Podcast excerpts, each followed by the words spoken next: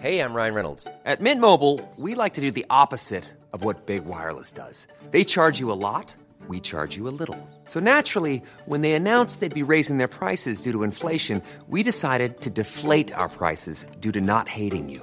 That's right. We're cutting the price of Mint Unlimited from $30 a month to just $15 a month. Give it a try at mintmobile.com slash switch. $45 upfront for three months plus taxes and fees. Promo rate for new customers for limited time. Unlimited more than 40 gigabytes per month. Slows. Full terms at mintmobile.com. This is Paige, the co-host of Giggly Squad, and I want to tell you about a company that I've been loving, Olive and June. Olive and June gives you everything that you need for a salon quality manicure in one box. And if you break it down, it really comes out to $2 a manicure, which is absolutely insane. It's also so easy to get salon worthy nails at home with Olive and June. The difference between how your nails used to look when you did them yourself and now with the Manny system is a complete game changer. The best thing about Olive and June too is it's a quick dry. Dries in about one minute, lasts for five days, and full coverage in up to one to two coats. Visit oliveandjune.com slash perfectmanny20 for 20% off your first system. That's oliveandjune.com slash perfectmanny20 for 20% off your first system.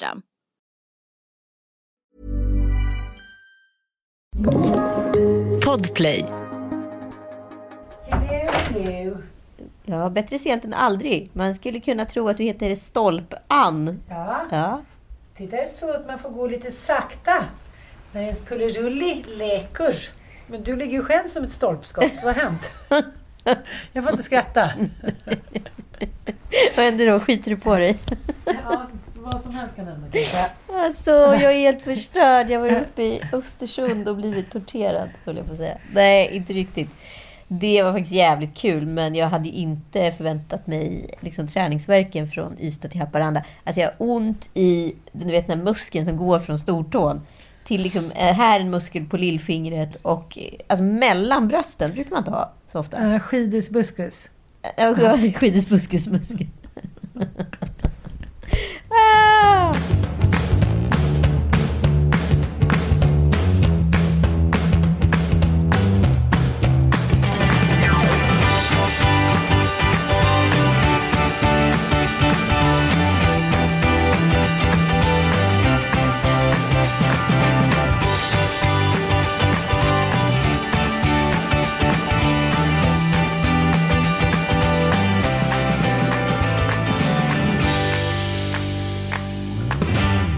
och välkomna till eh, Lille Lördag, eller Stolpskottslördagen som vi kallar den. Högst oklart. Precis. Berätta nu. Du ska också, eh, liksom jag. Först så bangade du ju följa med mig och köra Vasaloppet. Nej, jag Men är... sen när det hostades knäckebröd, höll jag på att säga. Nej, nej, nej, nej, nej. Jag tackade nej till klassikern.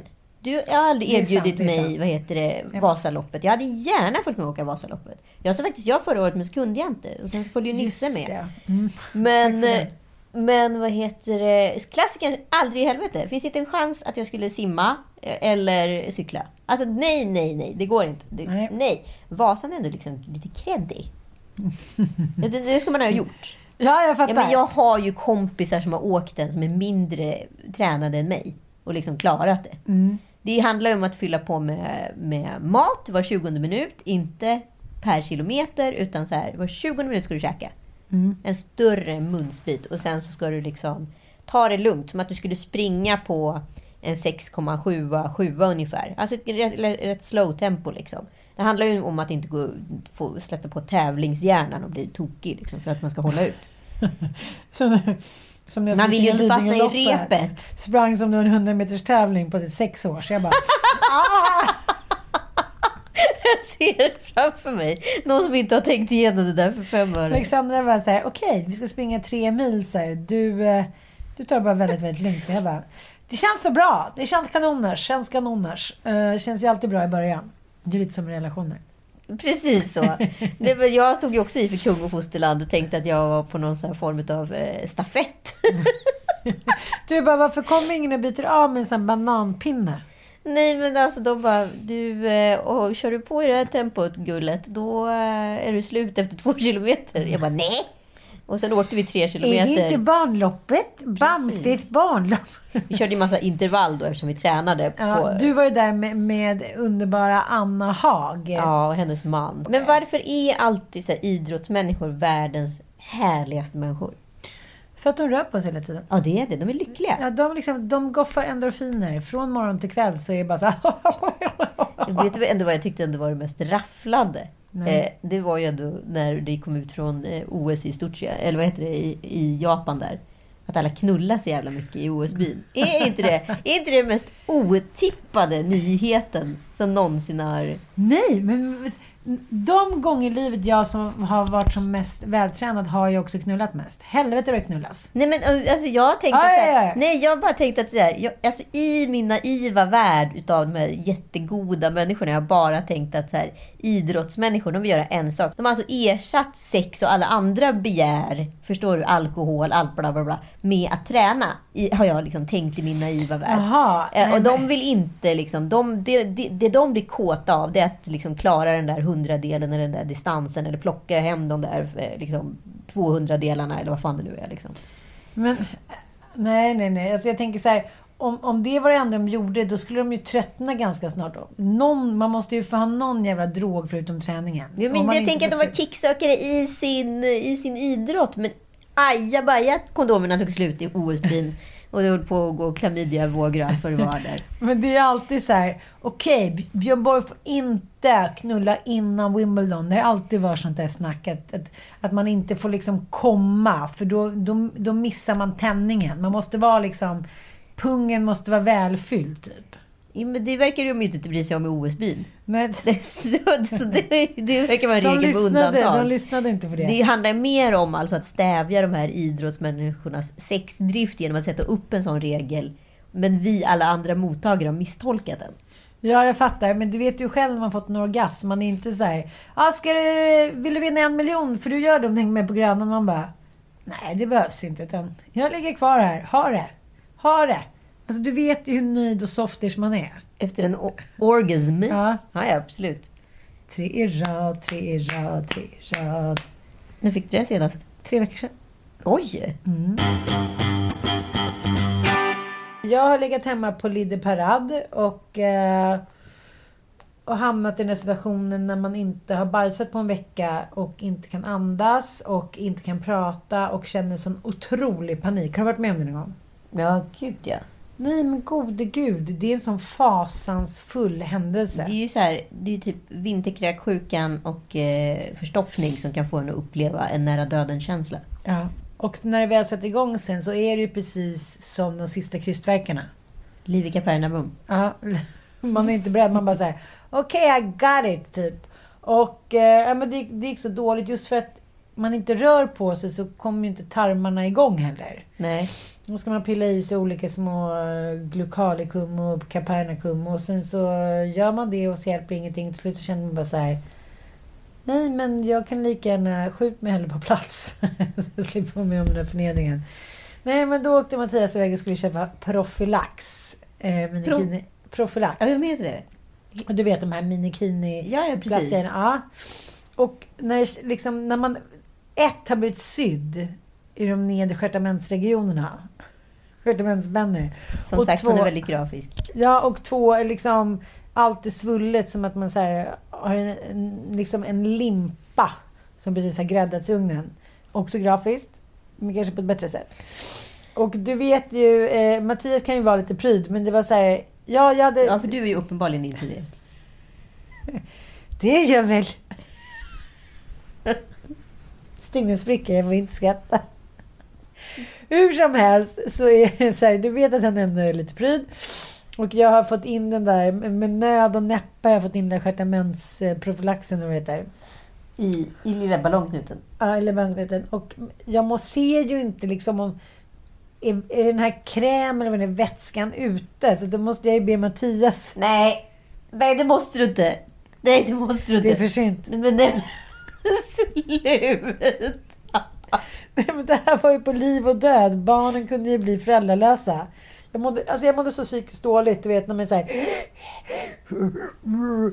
Det enda jag hade kunnat äta, därför är jag snart nere på väger 29 kilo för att det enda jag kan äta är pepparkakor och grönmjölkost. Det var så här, jaha, ja, jo, det ser bra, bra ut där nere. Så det är mycket, mycket liksom... Nej, men för fan, och pepparkakor som man fiser så jävligt av. Ja, jag vet. Och sen så, jag måste också varna dig inför radiogalan här ikväll att jag... Eh, eh, det är inte säkert att jag kan hålla tätt. Nej, men sluta. Nej, men det är sant! Glukosen, allting. Kommer det så kommer det. Jag kan inte... Jag har ingen kontakt med de nedre regionerna, så det, det kommer ju som ett litet skott. Ja, ett litet lager. Så här, pff. Men är det här någonting vi behöver varna vad heter det, Nej, det eventuella behöver inte tittare göra, för men, innan? men mycket ska man stå ut med. ja, Jag var, hade en deadline och var tvungen att och, ta en bild såklart. Och Mattias skulle iväg med barnen och skulle ta den här bilden. Och så gick jag in själv då och mitt i allt upp det där då så, eh, så var jag tvungen att lägga ifrån mig telefonen för att då kom ju det här, du vet. Det, jag vet ju inte. Jo, som att man har de tre sista krystverken innan man ska föda. Ah, Okej, Fast det är ju tyvärr inget levande som kommer ut. Det är liksom... det är bajs. Ja, den, den där, alltså den, e, den evighets... Alltså Abraham ska ut. Klammen. En Hög förnedring. The show must go on fick en helt ny eh, innebörd måste jag säga. Jag ska, inte, jag ska inte berätta fler detaljer för det, det, nu har jag varit tillräckligt grafisk. Men du vet, det finns så mycket grafiska bilder från mig i mitt liv den senaste veckan. Men Men det roligaste var ändå ditt Instagram-inlägg när jag bara insåg hur liten din lilla kub var. När du ändå fick feeling att du ville så här, få lite beröm för någonting. Och la upp en bild på dina gardiner, lite snett plåtad. Så här, kolla upp dina gardiner. Förstår hon att du har levt i en kuvös i en vecka? Du menar att jag inte fått någon instant gratification? Exakt! Igår fick jag ett litet utbrott och sa Mattias så här, men gud nu har inte du fått uppmärksamhet på drygt en vecka så nu måste det komma ut någon annanstans. Ja, han har ju rätt. Är det så? Ja, nu har vi Anita legat och skrattat i fem minuter. Eh, men vi fortsätter. vi fortsätter inte. Okej, vi får ta en, eh, vi får ta en eh, bajspaus. Vi hörs om någon minut. Reklam. Ska vi köra reklam nu? Jag orkar inte. Gardinbilden! Jag kan inte hämta mig!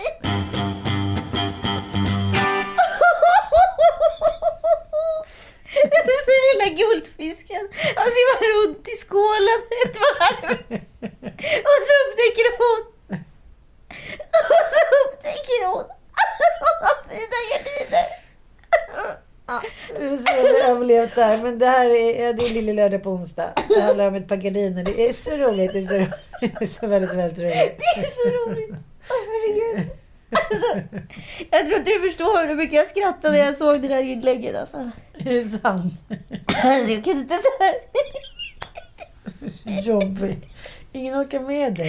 Ingen orkar med Ingen dig. förstår varför det är så roligt att jag har lagt ut en bild på gardiner. Nej, men Vi lägger upp den igen då.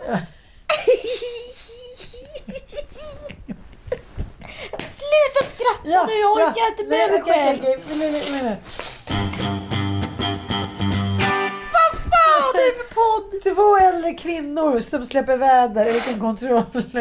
Vad är det för Okej, du kan ligga där och fisa så eh, tänkte jag prata lite om eh, det som hände häromdagen. Nej men häromdagen så gick eh, advokaten Elisabeth Massi Fritz, som jag för övrigt tycker är en fantastisk advokat, men hon gick ut och skrev då på sin Instagram. I fredag så skriver Kvällsposten då eh, en, en rubrik som står så här Pappa våldtog sitt barn, behåller ändå vårdnaden. Mm, just det, ja, den var ju uppmärksammad och den var ju svår att inte klicka på. Ja, såklart. Eh, problemet är ju med sådana rubriker att de flesta läser ju tre rader och sen har de redan bestämt sig för att så är det. Eh, och sen så börjar drevet. Ja. Mm. En klassisk, ett klassiskt, en klassisk me- metoo-läsning kan man säga. Mm. Och några hakade på var ju då bland annat eh, Linnea Claesson. Aktivisten Linnea Claesson som har över 170 000 följare på Instagram och även advokat Elisabeth Massi Fritz. Just det.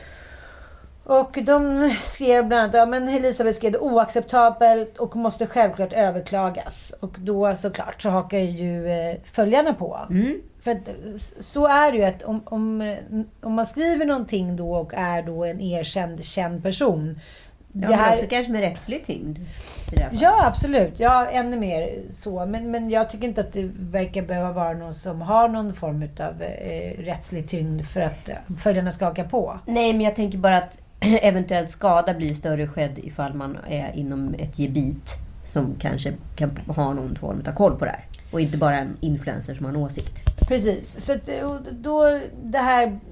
Ja, men det var många som skrev om det här och de tyckte det var vidrigt och det här är oacceptabelt hit och dit.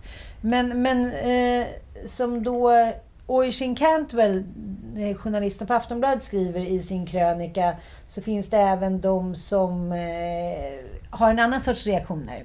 Som försöker ta reda på vad som faktiskt hade hänt. Och det gjorde bland annat då eh, fiskal eh, Karin Wetterberg vid Eskilstuna eh, tingsrätt. Och eh, hon förklarade då att tingsrätten hade i själva verket landat i den här slutsatsen att pappan inte då är lämplig som vårdnadshavare. Eftersom eh, pappan då hade hamnat då bakom lås och bom på grund av att han hade utsatt sin dotter då för våld och våldtäkt. Men det som var lilla abret i hela den här historien var att den här flickans mamma ansökte om ensam vårdnad. Men det är någonting eh, som, eh, en begäran som Kalmar tingsrätt nyligen avslog. Eftersom föräldrarnas gemensamma vårdnad ska bestå. Men det är ingen av föräldrarna som just nu anses kunna ta hand om barnet. Så barnet är då hos fosterföräldrar. Ja. Barnet bor då i ett familjehem sedan ett par år tillbaka. Barnet trivs bra i det här familjehemmet så är det ju inga brådskande beslut som behöver bestämma. Och då behöver man inte då hålla på och gå in och gegga och peta och ändra den här gemensamma vårdnaden. Nej, egentligen är det ju bara någonting som inte har... Det finns ingenting... Det finns ingen substans i något Nej, det här är någonting som, som då rätten inte anser att de behöver hålla på och peta i just nu. Samtidigt så slår ju domstolen fast att socialnämnden har uppdrag att inreda en utredning och, eh, om vårdnaden. Men när, först när den är klar så är det dags för en riktig dom i målet, så att säga. Då, då. Så att eh, då tycker någon som kan det här, det säger att det här är ett avvägt beslut och det är balanserat tillfälligt som har barnets bästa i fokus. Och eh, det blir ju en sån otroligt felaktig bild i medier som kan vara så otroligt farlig. Nu kanske inte det här då förstör den här pappans liv. Det kanske redan är förstört då eftersom han verkligen är bakom lås och bom. Men när man har ett, ett barns bästa i fokus som faktiskt, eh, tror jag, de flesta domstolar har så kan det ju påverka på ett otroligt eh, negativt sätt. Det finns ju ingen som har eh, skrivit på Instagram här, eller Twitter tror jag, som har gått igenom den här domen och eh, skälet till varför det är ingen som är och petar i domen exakt just nu. Nej, och det här har vi pratat om tidigare i eh, exempelvis eh, den prisbelönta serien Att rädda ett barn. Ja, men om man säger så, om vi nu bara pratar utifrån ett eh, känslomedieperspektiv så var ju kanske metoo-piken på hur mycket känslor som faktiskt bubblade på sociala medier. Eh, och 10% fakta kanske var utav relevans, men då var man inte intresserad av fakta överhuvudtaget. Nu kanske det är snarare 70-30. Att det är 70% känslor och 30% fakta. För att det har varit mycket allt från eh, cancel culture har ju haft, liksom blivit rätt kritiserat men haft sitt uppsving också i den här 90%-drevet eller vad man ska säga. Och så vidare och så vidare. Men nu är det väl dags att kanske åtminstone försöka hitta någon så här 50-50 väg. Det är ju jättebra tycker jag på ett sätt när känslorna finns där och, eh, och liksom det blir stormar. Det är ju på det här sättet vi istället för att vi går ut och bränner däck eller går med högafflar och skriker och hytter mot folk liksom på gatorna.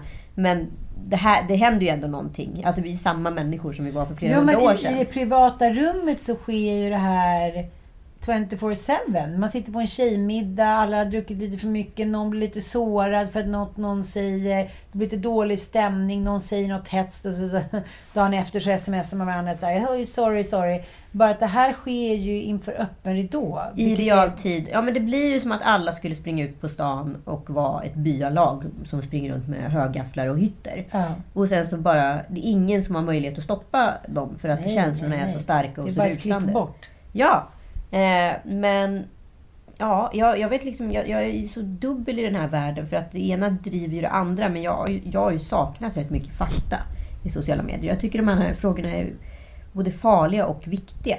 Men jag, kommer, ju- jag tror Otroligt. inte att vi kommer se en förbättring på ett par år.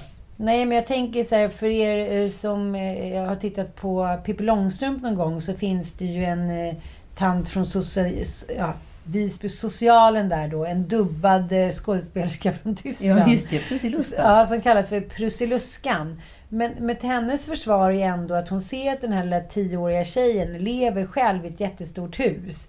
Ensam, utan föräldrar. Eh, utan någon, liksom, hon går inte i skolan. Hon har liksom hamnat utanför samhället. Hur nöjd hon än är med det så kanske hon ändå bokstavligen tolkar det som att det kanske inte är bra för henne. Och därför slåss hon då för henne. Men, men jag tänker om Prussiluskan hade levt idag så hade hon ju varit med i allt det här. Hon hade ju eh, twittrat och eh, swishat, höll jag på att säga, och instagrammat. Hon, hon hade ju eh, självfallet varit medlem i organisationen Bry. Ja, precis. Men eh, ja, jag- tycker att det blir viktigare och viktigare att inte liksom bara direkt hoppa på agnet. Utan så här, låta folk fiska ett tag innan man... Jag undrar om det finns någon parallell här mellan Smålandsgran och Bry. Nej, nej, vi ska Nej, inte, vi ska nej, inte nej, ner den här.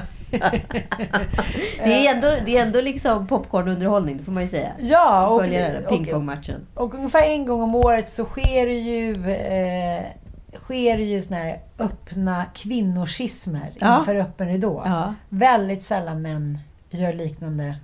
Eller så gör de det hela tiden fast man inte fattar det. Vi tolkar signalerna olika. Jag fattar. Men när kvinnor gör det så är det ju återigen med känslor.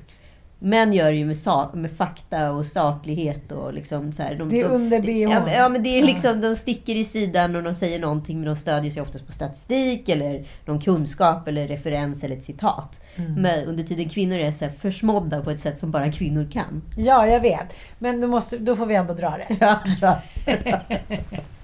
ja, jag är ju en gran därifrån. Så, så grann och fin ut.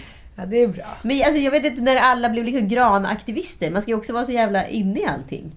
Ja, men det, det, så här känner jag.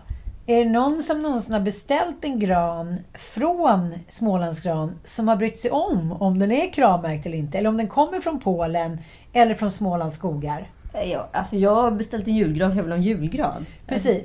Och nu eh, fra, framstår det då som att Anna Benson eh, medvetet har då eh, lurat för folk bakom ljuset. Jag har ingen aning om hur det står till där. Om det handlar om att de har haft problem med... Eh, Men hela Instagram verkar ju som att de är granaktivister. ja, Det är, folk är så arga och upprörda som att det, det är liksom det enda de vill ha är en kravmärkt julgran. Inte att de vill ha en julgran. och eh, ska de berätta det då för de som kommer och ser deras julgran? Eller är det bara för deras egna... Ja, I don't know. Jag har ingen aning hur det här funkar Men i gran, svensken klarar inte av att känna sig lurad. Nej, men det är det. Det, är Det spelar ingen roll vad det handlar om. Är det fiskat fiskpinne, panetten, inte gjord utav liksom eh, strösalt från... Alltså det spelar ingen roll. Det är bara att nu är de blåsta, nu är de lurade. Ja, återigen, det är våra känslor. Precis. Och nu har ju då giganternas gigant, Pernilla Wahlgren, gett sig in i leken och undrat så här, oj! Jag lät dig eh, använda så här, eh, ett citat som jag skrev på min blogg för typ fem år sedan och det verkar ha använts med bild och hela balletten år efter år efter år. Och Ja, men jag, jag hittade också mitt egen Nuna där på någon form av ambassadörssida som jag inte hade en aning om existerade. Där jag är citerad från något gammalt blogginlägg också från, jag tror det var, ja det måste väl vara 2006 då. Eh, som en av deras ambassadörer. Jag hade ingen aning om att jag var det. Men eh, okej, tydligen är jag det. Men jag tycker Ja. att det är hela fucking världen. Eller vad ska jag säga? Nej men det är ändå smart för hon omsatte ju ändå 18 miljoner på de här granarna förra Ja, året. gud ja.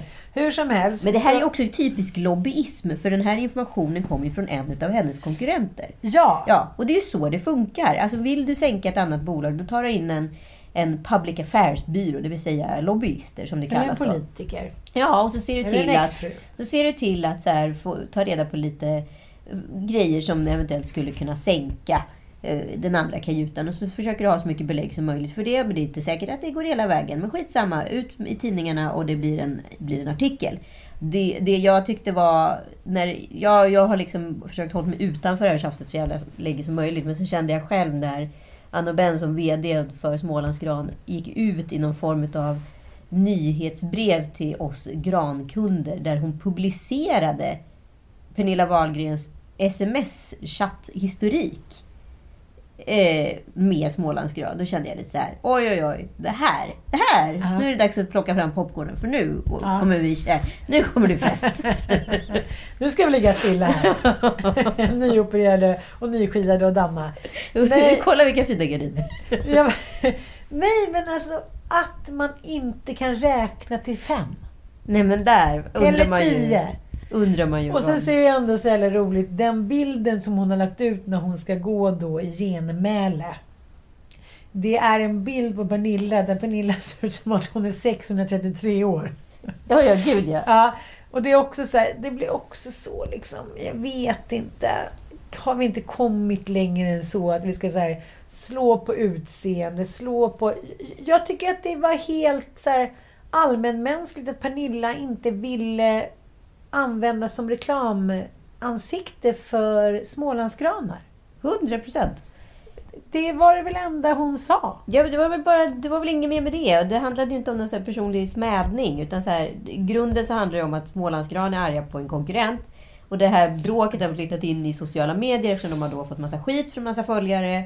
Och till andra olika influencers eh, som då, ja, jag har fått massa skit också, men jag skiter i det. Som ni vet. Eh, och, och, så håller den här liksom karusellen på att gå. Och så tänker hon, och så hör Anna då av sig till alla hennes liksom influencers som hon har jobbat med. För att räcka ut en hand och få lite stöd och backning i hennes personliga företagskris då. Eh, och då vill inte Pernilla Wahlgren räcka tillbaka handen. Och så blir Anna personligen sårad för att hon tycker att hon har försett henne med en gran i flera år. Men under tiden Pernilla säger hej mitt varumärke kostar så här mycket. 1800 kronor. Ja, exakt. Så, så, så ja. Jag ser varför det här bråket uppstår, vi säger så.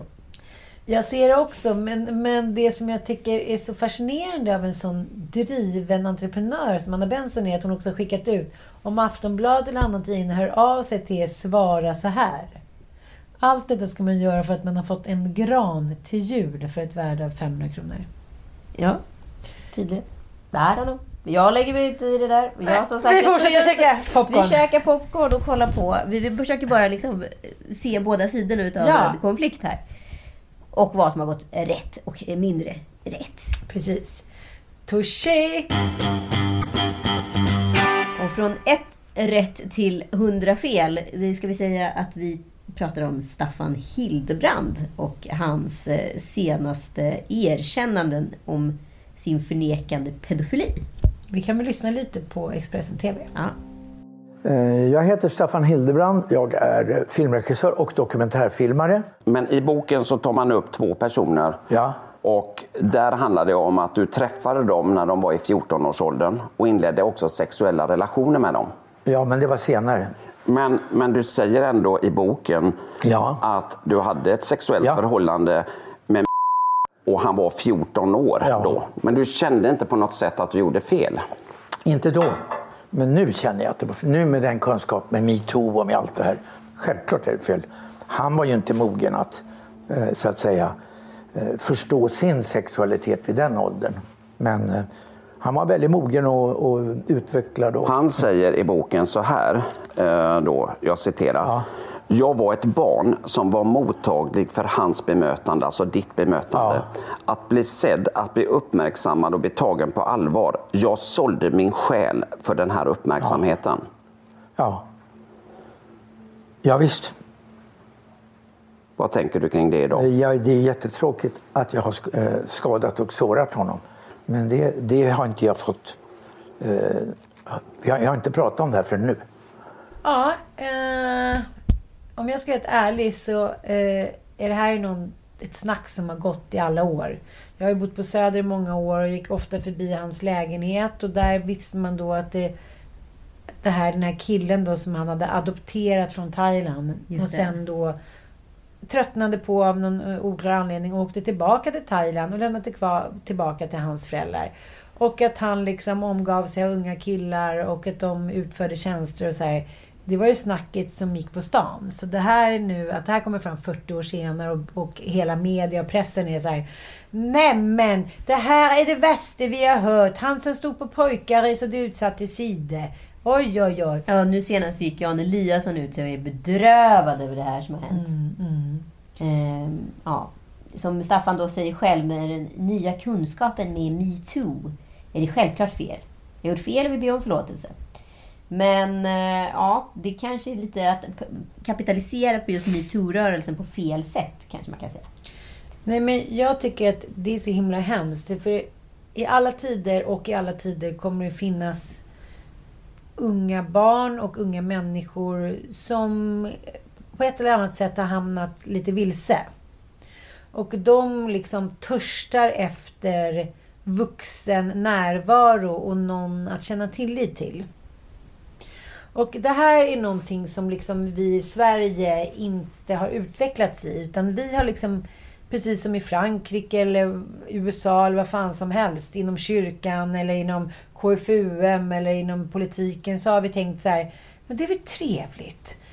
Pojkar behöver bra manliga förebilder som inom idrotten med Patrik Sjöberg och ja, allt som har kommit fram senaste tiden. Och, eh, Ja, men nu senast en hockeyspelare som gick ut och berättade att han har blivit liksom våldtagen och förnedrad Mm. och den här fruktansvärda liksom, tystnadskulturen som är inom den idrotten.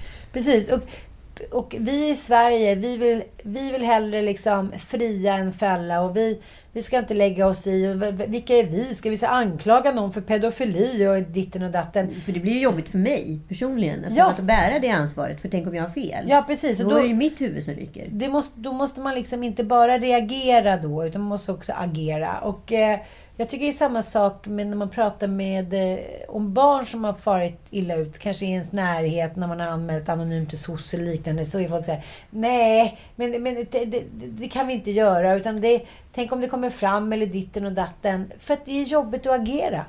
Ja. Man är rädd för att få en skitmacka tillbaka. Men några som borde prata ut och faktiskt skulle kunna vinna en del, om vi nu går tillbaka till lobbying och hela den karusellen, Mm. skulle tjäna lite på att faktiskt prata ut om Staffan Hildebrand, det är ju faktiskt Paolo Roberto. Det här skulle ju faktiskt kunna, jag ska verkligen inte säga rentvå honom, men det skulle åtminstone kunna eh, ja, tvätta bort smutsen lite grann. Ja, men Paolo Roberto, eh, jag vet inte om han bodde Jo, han, det påstås att han bodde hemma hos honom typ från 16 till 18 ungefär. Mm. Och det är ju så, såklart att en kille som Paolo inte hamnar hemma hos Staffan Hildebrand ifall det inte var stökigt redan bakom. Så jag menar så här, det är inte så här, allt har ju inte skett hos Staffan Hildebrand utan han har ju fångat upp, vilket de flesta pedofiler lyckas eh, liksom koordinera och hitta.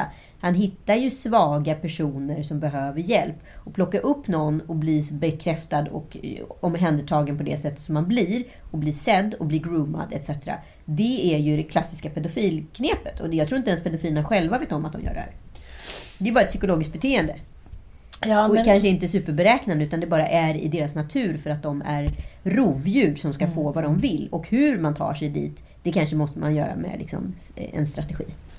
ja, men det som jag tycker är så sorgligt och det som är så tydligt att det priset som de här pojkarna har fått betala är just att i Sverige så ska man då just det vi pratade om att så här, män uppburna män som håller på med lite fuffens vid sidan om. Det, är liksom, det har på något sätt smygit och runnit mellan liksom eh, det, det har liksom finmaskigt på något sätt. Det bara glidit undan. Och det tycker jag är... Det är så jävla sorgligt för just den tilliten som de här pojkarna haft till Staffan Hildebrand då. Som han på ett vedervärdigt sätt under 40 år har utnyttjat. Och liksom, nu är han snart 80 år och, och eh, har då blivit av med sin bostad och har ingenstans att bo. Och bla bla bla. What goes around comes around. Men, men det blir ju ändå inte så för att det är ju inte han som har mått dåligt under de här 40 åren. För han tycker bevisligen att han inte har gjort något fel. Och det finns en grej som han säger som gör så jävla ont i mig och som får mig att må så otroligt dåligt. Och som är det här klassiska liksom, tillbakakakan på alla offer då. Våldtäktsoffer eller sex, människor som blivit utnyttjade sexuellt och bla bla bla. Det är just det där. Ett, hen var så mogen. Så att jag förstod inte liksom, nästan att han var i den åldern. Och två, om han inte tyckte om det då kunde han väl ha sagt till. Absolut. Ja, men absolut. Mm. Såklart. Eh, Personer i beroendesituation de är väldigt bra på att säga att Nej men vet ni, nu, här, Mm. här går gränsen. Jättekul, tack. Men nu, nu drar jag. Klipp till, då, då åker jag tillbaka med dig till Thailand. Ja. För du vill inte vara den rövpojken som jag ville att du skulle vara. Precis. Men eh, någonting som jag pratade med mina gaykompisar om är ju också den här gränsöverskridningen som faktiskt finns inom just eh, ja, men, hbtq-falangen. Alltså, den åker gärna mellan stolarna. För att vi har accepterat homosexualitet och det är ett stort steg för många svenskar att göra det. Och det har varit liksom en stor process i Sverige. Nu pratar jag historiskt, inte liksom personligt. Och eh, då tycker man att alla gays är goda. För gays är goda, vi älskar det. Men just inom gay-falangen så finns det rätt gränsöverskridande ålderssegment. Det är jättevanligt att unga killar hänger med väldigt mycket äldre män. Och det är helt okej, för det är liksom precis lite som vi pratade om med Madonna. I konstens namn så är inte det någon fara. Om det är en äldre kreatör och en ung dandy på 16-17 år, det spelar inte så stor roll i den världen. Under tiden hade det här varit i ett heteronormativt samhälle så hade det setts på väldigt anmärkningsvärt ifall en man plus 40 hade kommit med en 16-17-årig tjej. Mm, mm, verkligen. Och jag tycker också det som Jonas Gardell har skrivit om i sina böcker också, att när han var ung och hade kommit till Stockholm och inte hade råd att liksom betala hyra för en egen lägenhet och han bodde hos några äldre snubbar som betalningen var att de fick sätta på honom typ två, tre, fyra gånger i veckan. Ja. Och det var inget mer med det. Nej, och det alltså jag, Och det det jag har ju hört liksom vittneshistorier från mina liksom, homosexuella vänner där motsvarigheten också har berättats flertalet gånger. Liksom. Och det verkar bara vara ett så här tyst kontrakt man ingår när man inträder i den här världen. För den här världen är så öppen och så tillåtande. Så att det här skulle vara något smutsigt, det får man bara acceptera för att så här, så här går det till. Precis, så att eh, hela de eh, uppfuckade värderingarna måste man ju liksom Ja men, se till att de eh, rensas bort. Eh, liksom Så där- heteronormativa begär, de är otroligt i ljuset. Mm. Men just liksom homosexuella mäns liksom begär för unga pojkar, det har liksom lite hamnat i skuggan på grund av att det varit så mycket riktning på det andra. Men den här typen av rovdjursbeteende finns ju inom liksom den gay-normativa communityn också. Bara att vi liksom valt att inte titta dit. För att gays står för något härligt, fredligt, gulligt, gott. Och därför händer ingenting dumt inom den sfären. Nu är man ju så dum i huvudet när man tänker på det här så att eh, ja, jag blir så trött på mig själv. Jo men det är bara att tänka sig om man skulle ha någon liksom... Eh, Att man bara trott att det är okej bara för att det är en, ett dolt, liksom ett överenskommet kontrakt på något sätt. Jo, men jag tänker om man tar till exempel, nu kanske man inte ska, absolut inte samma dag jämföra Pernilla August och eh, Staffan Hildebrand. Men om, om vi tillåter oss en liten, liksom en sådan jämförelse då. Att, att hon då under sina mest liksom, produktiva år här för 20 år sedan skulle ha haft ett gäng unga pojkar, 13 och 14 år gamla, boende hos sig. Det skulle bli ett jävla ramaskri. Ja, ja, ja. Gud ja. Men, men, men liksom de här trygga pappafigurerna, de har liksom fått hållas lite så här, ah, Där har lagts ut lite dimridåer av, av, av alla och en var. Och det, det är sånt jävla skitsnack att folk inte har vetat om det. Alla har vetat om det här. Ja, alltså det är ju sånt trams. För, och jag blir, så, jag blir så provocerad, men det var ju lite det vi pratade om apropå när jag var med hos... Eh, vad heter hon? Gunilla. Ja, ja. men det var lite det vi pratade om precis som när jag var med hos Gunilla Broders. Att, att, eh, Sveriges kanske finaste person, Jason Diakites. ja, kvinnor döms och är onda, alltid. Men pappor, när de bryr sig, då är de närvarande och trygga. Och det, det är exakt den här auran män ständigt har som då bryr sig om barn. För att då måste ju den andra idén om pappor vara att de inte bryr sig om barn. Så, så helt plötsligt när någon bryr sig, då är de en väldigt god person. Väldigt svart eller vitt. Mm. Avslutningsvis kan vi väl ta någonting glädjefyllt. Jag var i Göteborg i helgen och jag skulle följt med men det kunde jag inte för min man var inte hemma. Eh, Någonting har hänt i din mötta, Gellät. Nej men det, eh, dels måste jag säga att du var väldigt, väldigt fin. Eh, nästa gång kan du väl säga åt din man att han tar av sig den där Stig-Helmer-kavajen. Eller rocken. Nej men alltså när du står sådär tjusig och Stig-Helmer har sin rock på sig. Men tror du han var nöjd med det själv? jag, jag blev så jävla för jag såg Marie Ledin hade blivit hedersdoktor. Ja. Och eh, hon hade en jättefin eh, klänning, blus och en stor kjol. Och över det var någon sån här militärjacka. Och så står alla i päls och är superfina. Och det är hon som är huvudpersonen och hennes karaslok då. 70-åriga Ledin som är hetare än någonsin. Och så blir jag så här, nej men vet du, nu får du unna dig en päls. Eller en fin rock när du ska bli hedersdoktor. Du kan inte stå med typ en luffejacka. Förlåt. Ja, jag är helt med. Ja. Alltså, det, och så drar du in Joel i det här. Ja, och det kommer också vara omslaget på vår podd. Nej. Jo. Joel i jackan. Nej, men när du står där och ser ut som one million dollar och Stig-Helmer har sin rock på sig, då men måste du väl säga Du är till. så rolig. Men vadå säga till? Det gick, vet du hur fort det gick? Det tog ungefär, kan jag ge dig transporten, men stod där utanför, frös. Precis innan man ska kliva på podiet så eh, är det en kvinna som frågar, ska jag ta din jacka? Och jag i nanosekund, i och med att jag är, är rätt rutinerad i sådana här sammanhang, Ja. ja, till skillnad från min sambo, ger henne jackan. Men min sambo eh, är nog lite stel här, så han fattar inte att han också kan göra det. Mm. ganska... Sen går vi upp på det här podiet och till skillnad från vanliga Instagram eller kändispremiärsplåtningar så plåtar de ju på ett par bilder. Ja, ja. Nej, det är en bild. Det är en bild. Du vet att det var så många som var fula på sina liksom, bilder från den här snurran. Liksom.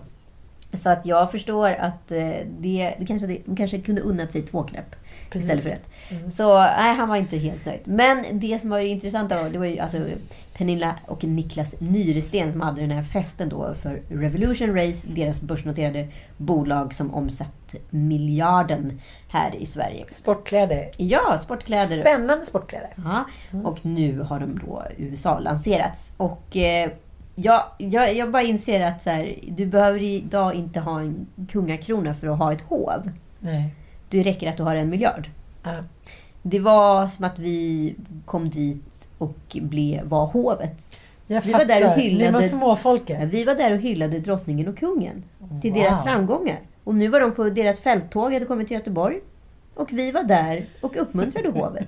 Alltså det var ju så sjukt generös fest och så jävla roligt. Jag tror inte jag haft så här roligt på liksom ett år. Du vet när man bara tokdansar ute och man står och liksom feströker på någon bakgård. Ja men du fattar liksom.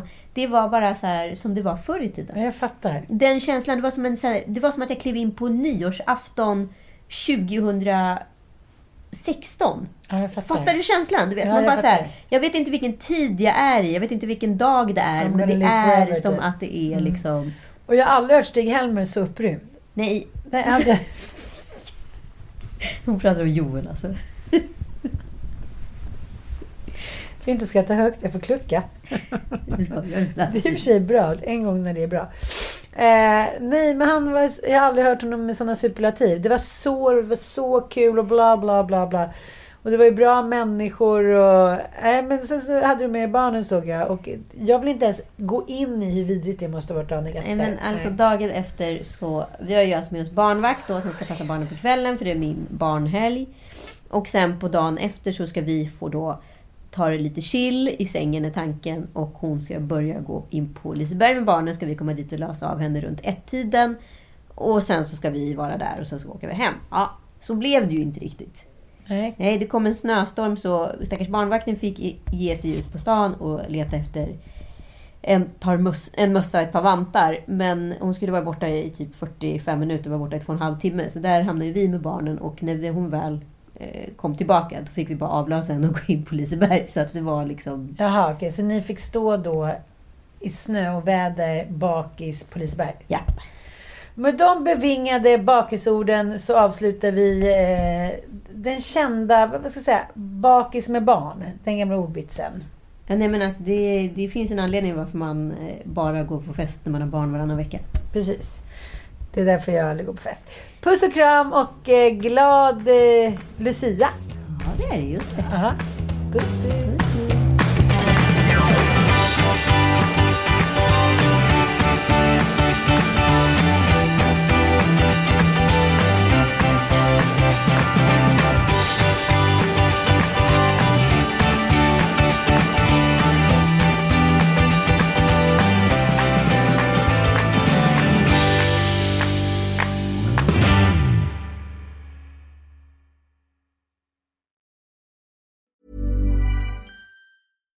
Deserves the best, and there's no better place to shop for Mother's Day than Whole Foods Market. They're your destination for unbeatable savings, from premium gifts to show-stopping flowers and irresistible desserts. Start by saving 33% with Prime on all body care and candles. Then get a 15-stem bunch of tulips for just $9.99 each with Prime. Round out Mom's menu with festive rosé, irresistible berry chantilly cake, and more special treats. Come celebrate Mother's Day at Whole Foods Market. Mom deserves the best, and there's no better place to shop for Mother's Day than Whole Foods Market. They're your destination for unbeatable savings, from premium gifts to show-stopping flowers and irresistible desserts. Start by saving 33% with Prime on all body care and candles. Then get a 15-stem bunch of tulips for just $9.99 each with Prime. Round out Mom's menu with festive rosé, irresistible berry chantilly cake, and more special treats. Come celebrate Mother's Day at Whole Foods Market.